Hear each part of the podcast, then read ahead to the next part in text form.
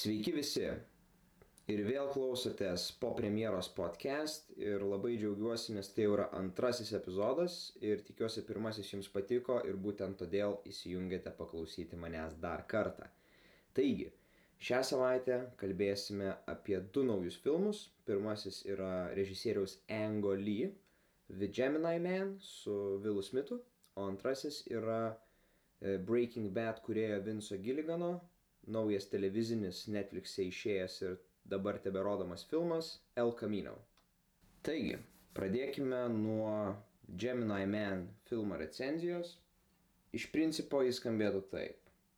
Kodėl seni geri veiksmo filmai mirė? Klausimas gal kiek pretenzingas, suponuojantis, jog gerų veiksmo filmų kūriama vis mažiau ir mažiau. Tiesa, tendencijos kinta ir 90-ojo dešimtmečių klasikos grinuoliai nebeįkvepia šiandieninio žanro palikuonių. Iš senosios gvardijos teliko vis dar kinematografinį reginį, sėkmingai sukurianti Mission Impossible franšizę, pavergianti žiūrovus ir kritikus savo autentiškumu Dar yra ir visai leisgyviai Silvestro Stalonės projektai, kurie negrakščiai įžengė į naująjį kino šimtmetį ir atrodo nesugebėjo prie laikų prisitaikyti nei savo formą, nei idėją. Žinoma, lieka ir tretieji nūdienos veiksmo filmai, tarp kurių galima rasti ne vieną puikų filmą. Tarp šių juostų taipogi atrasime ir visą šūsnį pavadinimų, su kuriais eikvoti laiko nerekomenduočiau niekam. Vienas jų naujasis režisieriaus Ango Lee filmas Gemini Man su publikos numylėtiniu Vilu Smithu. Istorija rutuliojasi aplink Henry Broganą, pensijinio amžiaus JAV kariškį. Filme labai gyva 9 ir 10 dešimtmečių veiksmo juostų dvasia. Pagrindinis veikėjas čia nėra žmogu, žmogiškas ir įdingas. Anaip tol, Henris pasižymi ekstraordinariais sugebėjimais. Jis yra taikliausias, protingiausias ir geriausias, o lygių savo neturi. Žanro neišduoda ir siužetinė filmo struktūra. Išduotas saviškių, Henris leidžiasi ieškoti atsakymų, kam ir kodėl jo išeimas į pensiją tapo problema. Deja, aiškiai suskirstyta trijų aktų struktūra bei filmo vystimas buvo nuspėjamas ir stokojo pagrindimo kai kurių veikėjų poelgiams. Net ir į Henry besikesinančio superžudiko tapatybės atskleidimas pasirodė toks įprastas, lyg nieko ypatingo neturėjo reikšti nei žiūrovams, nei patiems veikėjams. Svarbu ir tai, jog filme labai aiškiai vystomi ir mokslinės fantastikos žanro elementai. Negalėjau nepagauti savęs mastant, jog Gemini Man man labiau priminė daugelio iki šiol išleistų veiksmo mokslinės fantastikos filmų kratinį. Buvo galima išvelgti tiek žiupsnelių, tiek ir visų žiupsnių pasiskolintų iš Looper, The Sixth Day ar The Island. Režisierius leidosi į savotišką polemiką apie klonus, klonavimo technologiją. Ekraniais tiesioginė prasme klonuoja Vilą Smithą. Tokio veiksmo etiškumas, klono egzistencijos klausimas ir tampa vienomis kertinių filmo minčių, kurios tarsi kviečia žiūrovą pasvarstyti apie kokį mums visiems, apie tokį, mums visiems labai tolimą ir dar nepačiupinėtą, nepatirtą fenomeną. Žinoma, iškyla ir kitas neką apesnis etiškumo klausimas, kalbant apie technologiją, panaudotą filmui sukurti. Ar Vilo Smito sugrįžimas į trečiąją savo gyvenimo dešimtį didžiosiuose ekranuose nėra preliudas į naująjį nemirtingų Hollywoodo grandų amžių? Toks fenomenas be abejo kelia svarbę kinematografinio realizmo problematiką, atverdamas duris kurti skaitmeninius aktorių, kabutėse klonus, leidžiančius šiems gyvuoti tiek, kad kartų kaita Holivude prailgtų dešimtmečiais. Žinoma, filme minėtas problematikos kelimas neišsukamas ir lieka gana banaliame kelių sakinių pafilosofavimo prie kavos padelio lygyje. Toks gilesnių ir smegenų raumenį įtempti priverčiančių temų pateikimas žiūrovams atrodo neapgalvotas ir bergždžias, per projektorių leidžiant tipinį veiksmo filmą. Estetinis juostas pateikimas sukėlė dviejopų minčių. Iš pirmo žvilgsnio veiksmas buvo konstruojamas intriguojančiai. Ištesti aktorius persekiojantys kadrai leido puikiai atsiskleisti choreografijai. Tai pridėjo žipsnelį realizmo, įtampos, tarsi viską stebėčiau iš šalies, matydamas veiksmo visumą, o ne tik montažo pagalba sukurta intriga. Deja, bejonės į pasimėgavimą atjungtomis smegenimis įnešė įnirtingos gaudinių scenos, filmuotos pirmojo asmeniu. Suprantu, jog, na, tai buvo bandoma mane, kaip ir visus kitus, priversti pasijausti taip, lyg patys ten vairuotume greičio ribojimus e, viršijantį motociklą ar šaudytume į judančius taikinius. Visgi sėdint priešais ekraną jaučiausi žaidžias kompiuterinį žaidimą, o ne žiūrys filmą. Negelbė ir per daug plastiška, neįtin įtikinanti kompiuterinė grafika, kuri gaudynių ar veiksmo scenas iš realybės akimirksniu perkeldavo į tų pačių kompiuterinių žaidimų pasaulį. 60 kadrų per sekundę filmavimas vaizdo malonesniu tikrai nepadarė, o tik iš pašlakstė žybalo į ir taip degantį kūrinį. Neveltui 24 kadrai per sekundę, na, karaliauja lygi šiol. Įpusėjus filmą viltys apie tai, jog viskas gali akimirksniu pagerėti, išblėso galutinai. Tuomet žiūrovų pusėn buvo sviestas tikrų tikriausias curveball, kas yra, na, beisbolo terminais, netikėtas metimas, kuomet kamuliukas pakeičia savo skridimo kryptį. Tad siužetinėje linijoje ėmė dominuoti labai keista tėvo sunaus santykių tema. Henris tampa savo klono tėvu, per jį jis stengiasi suteikti savo metaforinį antrą šansą ir nugyventi gyvenimą be smurto bei kančios. Taip ir buvo sukurta terpė gimti, na, neišgrynintam, aiškios idėjinės linijos nesilaikančiam filmui, kurį jūsų vietoje rinkdamasis, ką pažiūrėti vieną šių lietingų ir žvarbių rudens vakarų, iškeiščiau į ką nors įdomesnio ir prasmingesnio. Taigi, kalbėti apie Gemini Man yra gana sudėtinga, kadangi, kaip jau minėjau, filmas man nepasirodė ypatingai vertas dėmesio, kas yra gana keista. Engas Lee kaip režisierius yra sukūręs tikrai stiprių dramų, stiprių, įdomesnių filmų.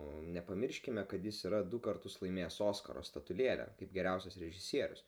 Yra laimėjęs už dramą Kukų protas kalnas su Jake'u Gyllenhalu ir Heathu Ledgeriu, bei yra laimėjęs už filmą Pi gyvenimas arba Life of Pi. Tai režisierius tikrai turintis labai nemenka, ne, ne, ne kiek potencialą, kiek tikrai rimtą, na, žinių bagažą ir patirties tikrai nestokoja ir yra sukūręs tikrai labai puikių filmų savo gyvenime ir per savo karjerą. Tai vad buvo labai keista matyti, kad iš tikrųjų leidosi į tokį projektą.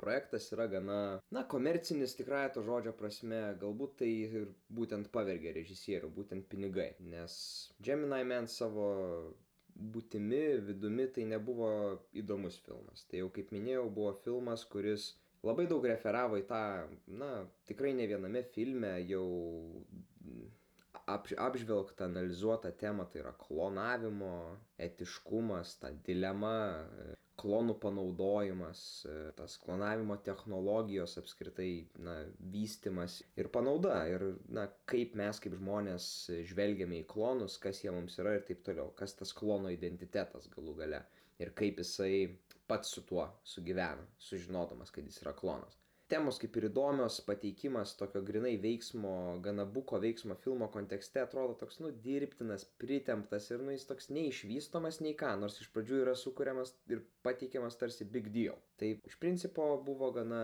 silpnas dalykas ir silpna linija. Siužetas be kita ko tai labai aiškus labai aiški ta vadinama trijų aktų struktūra buvo sudėliota šitame filme kada iš principo pirmas aktas yra tas Henrio gyvenimas iki gaudynių, antras aktas yra gaudynių scenos ir trečias aktas yra tos jau e, ėjimas e, link sąskaitų suvedinėjimo. Tai toks, nu, filmo sekti labai yra paprasta, niekas ten labai sofistikuoto tokio požiūrio nepateikia į siužetą, todėl yra labai paprastas filmas, visi tikrai suprasite, nieko labai kažko įmantraus ten netrasite veiksmo scenos kaip ir minėjau nufilmuotos tikrai įdomiai yra kai kurios. Man patiko tie ištęsti kadrai. Jie sekioja tuos aktorius kurie na veikėjus kurie šaudosi bėgioja slapstosi už kažkokių tai nežinau sienų kampų ar kit kad kad ir kažko kito. Bet tai prideda tam tikro gyvumo. Ta gyva judanti kamera kuri nėra pakeičiama montažu kuris gali suteikti kažkokį tai intrigos ar įtampos prieskonį jinai man buvo žymiai įtikinamesnė, nes tas pailgas visą laiką sekantis veikėją judėjimas, jisai tokio įpučia, na, įsivaizdavimo, kad tu esi tas žmogus, kuris va čia paskui ir laksto, tu esi tas žmogus, tu visą laiką kadre matai tai, ką tau pateikia kamera, bet tarsi tai būtų tavo paties akių sukurtas vaizdas. Vat ką tu matai per akis, tą ir matai, ir kur tu nukreipsi žvilgsnį, kur tu fokusuosi žvilgsnį, tą ir matysi, bet negali matyti to, ko tu nepamatytum vienu metu Montažas veiksmo filmuose labai dažnai tam yra naudojamas, kad būtent tą veiksmą kažkaip suaktyvinti, e, padaryti jį in, tokiu greitesniu, labiau intriguojančiu ir paveikesniu. Dėl to šitam filme to daug nebuvo. Kas man labiau patiko? Nes tas montažas yra dirbtinas. Mes dažnai na, negalime vienu metu matyti, kaip žmogus per 3 sekundės e, sukoncentruoti tiksliau savo žvilgsnio į tai, kaip žmogus per 3 sekundės ten suima automatą, įsideda apkabą, kaip ten kulka įlenda dar ir taip toliau, ir kaip jis ten nusitaiko. Visa tai užtrunka dažniausiai ilgai ir mes negalime viso to na, sufokusuoti į tuos konkrečius elementus. Dėl to tas sekiojimas, jisai tokio suteikia labai malonaus uh, realizmo pojūtį, kada tu tarsi tikrai būni įsitraukęs į tą veiksmą. Jisai tave nepasąmoningai veikia, o gana tiesiogiai tave priverčia jaustis įsitraukusiam. Kas nepatiko ir ką paminėjau recenzijoje, tai buvo tai, jog, na, tos gaudinių scenos. E, buvo tų gaudinių scenų, kurios buvo visiškai CGI, kompiuterio grafika ir, na, kompiuterinės grafikos pagalba sukurtos. Jis buvo žiauriai ištestos, e, labai nenatūralios. E, sakau, atrodė, kad žiūri kažkokį kompiuterinį žaidimą. Pats, pati technologija, kuri buvo naudota filme, yra irgi kitas probleminis aspektas Tai čia išvelgčiau tą problematiką iš tikrųjų, kad, ką ir minėjau recenzijoje, kad ar tai nėra e, žingsnis į naują Hollywoodo amžių. Na ir tradiciškai technologijų vystimasis Hollywoodui buvo tik tai geras ženklas. Na, ten garso atsiradimas trečiajam, ketvirtajam dešimtmečiuose, e, vėliau spalvų atsiradimas, tai tik tai na, žmonės dar labiau traukė į kino teatrus ir plėtė e, filmavimo ir apskritai kino kūrybos, kino gamybos galimybės. Meninės, formos, kino formos galimybės plėtė. Ir tai yra labai įdomu. Tačiau, na, 3D technologija, kuri kaip ir nėra pasiteisinusi ir tikrai neprilipo, taip ir tai, kas dabar yra daroma, manau, kad gali nepasiteisinti ilgainiui. Kad būtų truputį aiškiau suprantama, kas buvo padaryta, tai filmas tiek ir e, reklaminė prasme, reklamuojamas buvo, pateikiamas visuomeniai, tiek ir e, techninė, kaip jis buvo sukurtas, tai buvo dedamas akcentas ant to, jog Vilas Smithas e, yra skaitmeniniu būdu atjauninamas. Reiškia, jisai vaidina tiek savo Henry Brauganą veikėją, tiek ir savo kloną, kuris yra, na, ten 20-30 metų jaunesnis. Ir tam yra pasitelkiamos kompiuterinės technologijos ir taip jis yra atjaunamas. Problema aš čia matau tame, kad e, dažnai aktoriai, kurie gali būti seni, jie gali pradėti vaidinti jaunesnius savo, na, jaunesnius save. Ir na, jeigu aktorius yra pakankamai neblogoj formai, jis gali pradėti vaidinti jauną save ir vaidinti jį gana ilgai. Ir, na, taip realiai užkirstamas kelią kažkiem galbūt jauniem aktoriam pasireikšti. Dėl to ir sakau, kad ta kartų kaita gali truputį išsitęsti. Kita problema yra iš viso tai, kad mes galbūt galim išvysti kai kuriuos aktorius, kurių mes jaunų nesame matę ekrane ir juos matysime. Iš vienos pusės tai gal ir įdomu, iš kitos pusės tai gana nenatūralu ir problema yra tame, kad to niekada nebuvo ir to niekada negalėjo būti, bet mes dabar prie to pritempėme. Jeigu įmame pavyzdžiui Morganą Freemaną, Morganas Freemanas savo kino karjerą pradėjo būdamas maždaug 50 metų. Jisai jaunas kine nebuvo. Ir jeigu mes dabar jam pritaikysime šitą technologiją ir pateiksime jį didžiajame ekrane kaip 20 metį ar 30 metį jaunuolį, na tai bus nenatūralu. Jisai tada kine nefiguravo, jo kine tada apskritai nebuvo. O dabar mes jį rodome tarsi žmogų, kuris tuo metu kine galėjo būti ir figuruoti. Na, man tai yra gana nenatūralu ir ėjimas prieš elementariausius gamtos dėsnius e, ir prieš netgi tam tikrą kūrybinę etiką, kuri, na, reikalauja, kad būtų jauni žmonės vaidintų jaunus žmonės. Na, aktoriaus darbas, žinoma, yra apsimesti kažkom kitu, bet čia aktorius neapsimeta kažko kitu, čia aktorius tiesiog yra padaromas jaunesniu jo vaidyba mūsų nekiek įtikins dėl to, kad jisai yra tiesiog jaunesnis, tiesiog iš veido. Jo vaidyba gali būti nebūtinai paremta tuo. Tai nėra taip, kad mes paprašom Morgano Freemano dabar, kai jam ten yra 70 ar 80 metų, suvaidinti 30 metį grimo pagalba. Tai yra visiškas žmogaus perdarimas skaitmeniniu būdu. Ir kaip ir su fake news, taip ir su tais deepfake'ais, manau, tai yra tik tai dar vienas žingsnis į tai, kas nėra gerai tendenciją išvelgti ir išvadas daryti galėsime po dar kelių filmų, nes išeis ir tas pats Martino Scorsesės The Irishman, kur ir Kap, e, Deniro, ir Pacino, ir Joe Pesci buvo veikėjai, na, skaitmeniniu būdu atjauninti. Tai va tada bus galima daryti konkretesnės išvadas ir žvelgti kažkokias, kaip jau minėjau, tendencijas. Tai va, tai šiaip Gemini Man yra, kaip jau minėjau, filmas, kuris turi savų niuansų, jis turi savų įdomumų, įdomesnių aspektų, didžioji žinoma dalis jų yra neįgiami, tiek siužetas, tiek techninė dalis, na, nėra puikiai išpildytas filmas.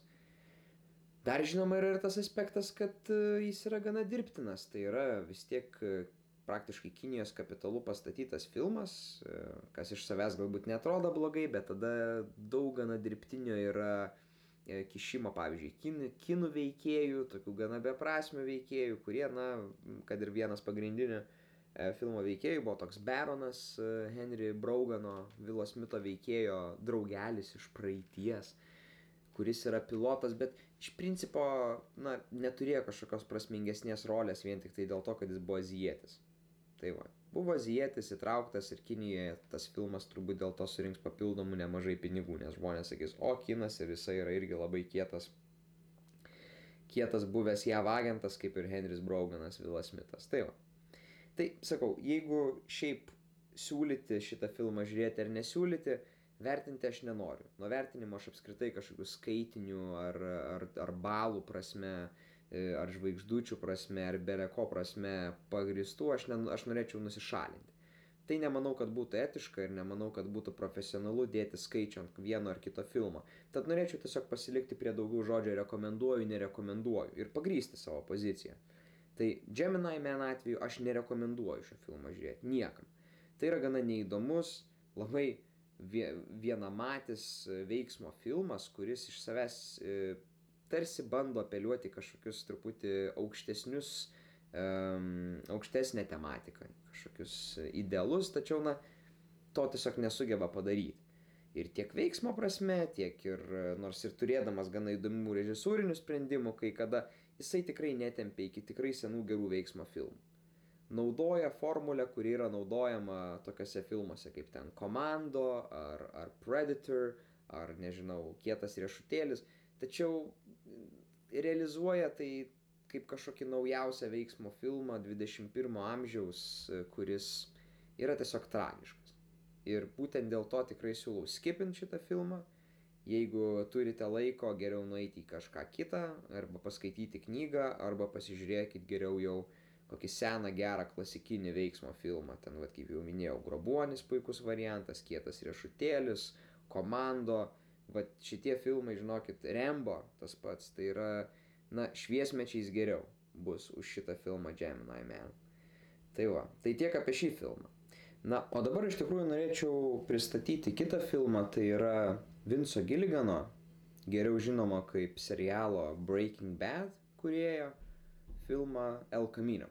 Šiam filmui neturiu paruošęs tokios formalesnės recenzijos, todėl norėčiau laisvą formą pristatyti filmą. Principo tai yra naujausias Vinco Gilligano projektas, tai yra serialo Breaking Bad tesinys, e, televizinis filmas, galima jį taip laisvai klasifikuoti, e, kuris yra šiuo metu rodomas Netflix'e, turbūt liks iki, iki, iki, vis, iki Netflix'o galiojimo pabaigos, egzistencijos pabaigos liks šitas projektas, tai Netflix'o filmas realiai yra El Camino. El Camino uh, prasideda ten, kur pasibaigia Breaking Bad. Kas esate žiūrėję, manau puikiai žinote, kas nesate, siūlau šį filmą aplenkti. E, sekame Jesse Pinkmaną ir būtent po Breaking Bad įvykių, kaip jisai iš tikrųjų bando atrasti, na, laisvę ir kaip jisai bando atrasti tai, kuo galbūt jis galėtų užsimti ir kuom jis turėtų būti po to, po visų tų įvykių ir po viso to, ką jam teko iškesti. Kalbant apie filmą, tai pirmoji problema, kurią aš išvelgiu filme, yra tai, jog kaip ir daugelį turbūt televizinių filmų, kurie yra paremti televiziniais serialais arba yra televizinių serialų e, na, tesiniai, čia koks Deadwood tiktų HBO serialo, Deadwood movie arba uh, tas pats seksas ir miestas. Tai yra filmai, galbūt netgi ir ateinantis sopranų filmas uh, Davido Chase'o All the Saints of New Jersey, berots, ar tai All the Saints of Newark. Tai yra filmai, kuriuoms, kuriuos pilnai suprasti, na, visas detalės atgaminti ir uh, jas pastebėti ir sudėti visus, na, ir sujungti visus taškus, reikalinga yra žiūrėti tą pirminį produktą, tai yra patį serialą. Tai žiūrėti El Camino kontekstiškai nesuprantant, kas yra Breaking Bad ir nemačius, kas yra Breaking Bad, yra neįmanoma. Breaking Bad yra būtina dėlionės puzlės dalis, kad galėtum žiūrėti El Camino. Nes tai El Camino yra tiesiog tesinys. Tame aš išvelgiu problemą, nes žiūrėti El Camino yra kitaip neįmanoma. E, daug ko nesuprasi, o pati istorija atrodys be savęs gana neįdomi. Man asmeniškai filmas e, didelių problemų gal nesukėlė, aš jį tikrai visai linksmai susižiūrėjau ir antrą kartą gal irgi pasižiūrėčiau kada nors. Nors didelio tikrai poreikio neturiu. Mm, yra tai būtent dėl to, kad, kaip jau minėjau, filmas be to, kad yra referuojama tiesiog labai daug į Breaking Bad, jisai iš principo kaip vienas pats neturi didelės vertės. Filmo siužetas yra gana nuobodus. Na, Breaking Bad mane gal išlepino tuom, kad tai yra e, pirmas dalykas veikėjo studija, ta vadinama character study. Tai yra analizė žmogaus, ne vieno veikėjo, kelių veikėjų, jų e, veiksmų, jų apsisprendimų padarinių ir kaip viskas yra susiję ir kaip žmogus gali, na, keistis ir prarasti savo esybę iš principo. El Camino, na, sprendė būtinės problemas. El Camino sprendė, kaip reikia išgyventi, kaip išgyvena žmogus, kuris yra ieškomas ir panašiai. Ir iš principo nieko naujo netnešė. Jisai net, sakyčiau, nesugebėjo išlaikyti to lygio, kurį, na, ir tos kartelės, kurią nustatė Breaking Bad. El Camino siužetas buvo gana lėtas, jisai tarsi buvo struktūruojamas kaip koksai Breaking Bad, jis galėjo būti kažkoks galbūt ilgas Breaking Bad epizodas savotiškai, jeigu būtų buvo sutrumpintas ir e, buvo labai panašiai pateikinėjamas, bet turiu pasakyti atvirai, be Walterio Vaito, be Briano Cranstono veikėjo, tai buvo kažkas sunkaus man žiūrėti. Jessis Pinkmanas man visą laiką buvo tas, na, šalutinis veikėjas, kuris buvo labai svarbus ir be jo serialas tikrai nebūtų buvęs toks, koks jisai yra. Tačiau jam vienam užimti centrinę pagrindinę rolę yra beprasmiška, nes tai iš savęs nėra toks įdomus veikėjas. Daugiau mažiau visas jo e, kaip veikėjo e, egzistavimas ir, ir, ir visa jo, visas jo mąstymas ir kuom tai yra paremta, buvo išspręsta serialo metu.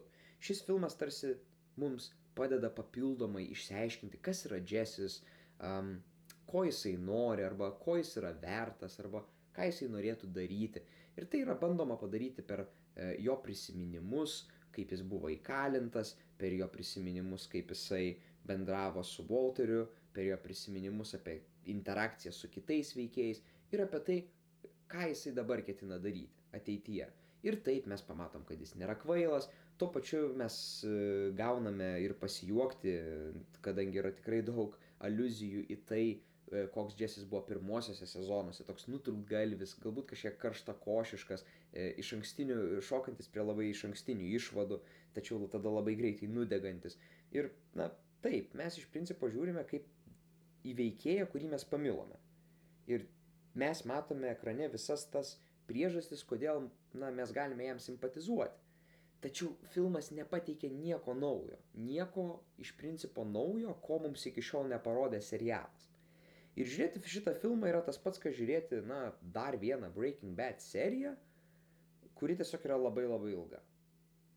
Dėl to man šitas filmas sukėlė tokius dviejopus jausmus, nes iš kinematografinės pusės jisai buvo gana menka vertis, O iš tokio grinai Breaking Bad fano, gerbėjo pusės taip.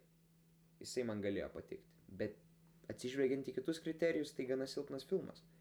Režisūrinė prasme nieko įdomaus tenais nebuvo. Buvo Breaking Bad serialui būdingi tie kadrai, kurie yra na, fast forwardas, sakykime, kada yra laiko tiekmės e, kitimas, tas pagreitintas perteikimas. Bet, na, Breaking Bad seriale tai labai puikiai žaidė su tuo, kad yra, tarkim, tas gaminamas metamfetaminas ir kaip e, jis yra, na, užtrunkama ten keurą dieną ar net keurą parą, kad tai būtų padaryta. Čia tai buvo tiesiog padaroma tam, kad būtų pereidama iš nakties į dieną ar iš ten dienos į naktį, kas buvo toks, nu, beprasmis tos, e, to efekto panaudojimas, atsižvelgiant į tai, kaip jis buvo naudojamas seriale.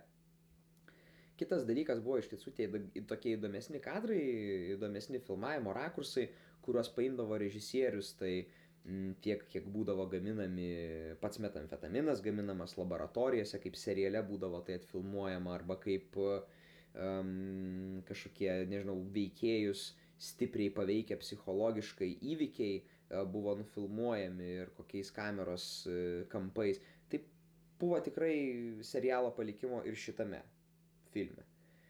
E, čia buvo tai perspausta, matėsi, kad buvo galbūt didesnis finansavimas tam ir ta, tiek, žinot, kameros judesiai yra labiau atšlifuoti, jie sklandesni, jie gražesni, jie įdomesni, bet klausimas, ar tose konkrečiose scenose, kuriuose jie buvo pavaizduoti, jie man suteikė kažkokią prasme, ar jie man sustiprino emociją. Puikus pavyzdys yra, kada Jessis e, bando ieškoti pinigų tokiame bute ir jisai atlupinėja plintusus, bet mes su kamera, e, na, sukame vos ne kamerą 360 laipsnių kampu ir taip apverčiame patį veikėją ir visą kitą. Ir aš galvoju, na, kodėl, ar mes bandome sutapatinti tą betvarkę ir tą aukštinkojom apverstą kambarį su veikėju, kad jo gyvenimas apvirtęs aukštinkojom ar ką, bet na tai buvo jau kurį laiką, tai nežinau, ar tai turėtų, ar tai gerai labai koreliuoja su tuom, ką mes matome ekrane ir tuom, ką mes žinom, kas anksčiau yra nutikę. Tai sakau, režisūra, ta meninė pateikimo forma man nepadarė didžiulio įspūdžio. Jis manęs net, kai kuriais atvejais netgi neįtikino. Siužetinė prasme filmas buvo gana silpnas, jisai nieko naujo neparodė. Vaidybinė prasme, na tai yra stiprus performances, stiprus pasirodymas iš Aarono Polo, kuris vaidina Jesse Pinkmaną, bet tai jokių būdų nėra karjeros, žinot, pasirodymas ar dar kažkas. Tai yra grįžimas į tuos senus gerus laikus, į nostalgiją. Ir kas man galbūt patiko šitam filme, tai būtent buvo ta nostalgija, kad mes galėjome pažvelgti į tuos veikėjus, kurių mes galbūt nebematėme. Um, vėl iš naujo juos pažinti, vėl iš naujo suprasti, kodėl yra vienaip, o ne kitaip. Visgi kliuvo ir tai, kad buvo naujų veikėjų, buvo tokių veikėjų, kurie būtent siužetui ir kišo koją. Elementariausiai žmonės, kurių, apie kuriuos net nebuvo galima nuspėti ar pagalvoti, seriale jie nebuvo matomi, staiga jie čia iššoka kaip kažkokiu žinių ar kažkokiu, kažkokios tai informacijos turintys veikėjai, kurių na, įvedimas į istoriją yra labai dirbtinas ir jisai labai nenoširdus. Labai nenoširdus istorijos prasme, kada iš tikrųjų buvo tikrai nemažai ko, ką dar buvo galima užgriepti ir galbūt papasakoti. Ši istorija, šis pateikimas atrodo daugiau toksai pasiteisinimas ir pabandymas visą tai, ką sukūrė serialas, na, dar kartą užtvirtinti tačiau neparodyti nieko naujo. Ir aš manau, filmas iš tikrųjų neparodė nieko naujo. Todėl mano rezumė yra gana paprastas. Jeigu jūs žiūrėjote serialą, matėte Breaking Bad ir jis jums patiko, filmą pasižiūrėkit. Tai turbūt nebus kažkas, kas e, jums paliks neišdildomą įspūdį ir tai tikrai nebus geriausias metų filmas, Tačiau tai bus gana linksma pramoga ir gana linksmas prisiminimas viso to, ką jau esate matę ir galbūt netgi išgyvenę. Jeigu nesate matę Breaking Bad serialo, filmą tikrai siūlau aplenkti. Tai yra, bus jums kitaip, na, antraip tai bus dvi valandos uh, tokio paprasto sumišimo, nes tikrai daug ko nesuprasite ir pasižiūrėję, nebent užsinorėsit pasižiūrėti Breaking Bad, kas yra, na, šeši sezonai po daugiau negu 10 serijų valandos trukmės epizodų. Viskas, žinoma, priklauso nuo jūsų ir jeigu norite, Breaking Bad aš tikrai labai rekomenduoju. Tai yra turbūt vienas geriausių visų laikų serialų. Ir filmas dėja savo, tokiu sakyčiau, neapibrieštumu arba tų pačių akcentų, kurie jau buvo sudėti seriale, um, vaizdavimu, rodimu, pasakojimu, jisai nieko naujo neparodo, nieko naujo nesukuria ir iš principo nėra kažkom labai išskirtinis ar, ar, ar netgi, sakyčiau, kokybiškai geras. Tai yra filmas, kuris, kaip anglai pasakytų, pays homage serialui ir uh, nieko daugiau.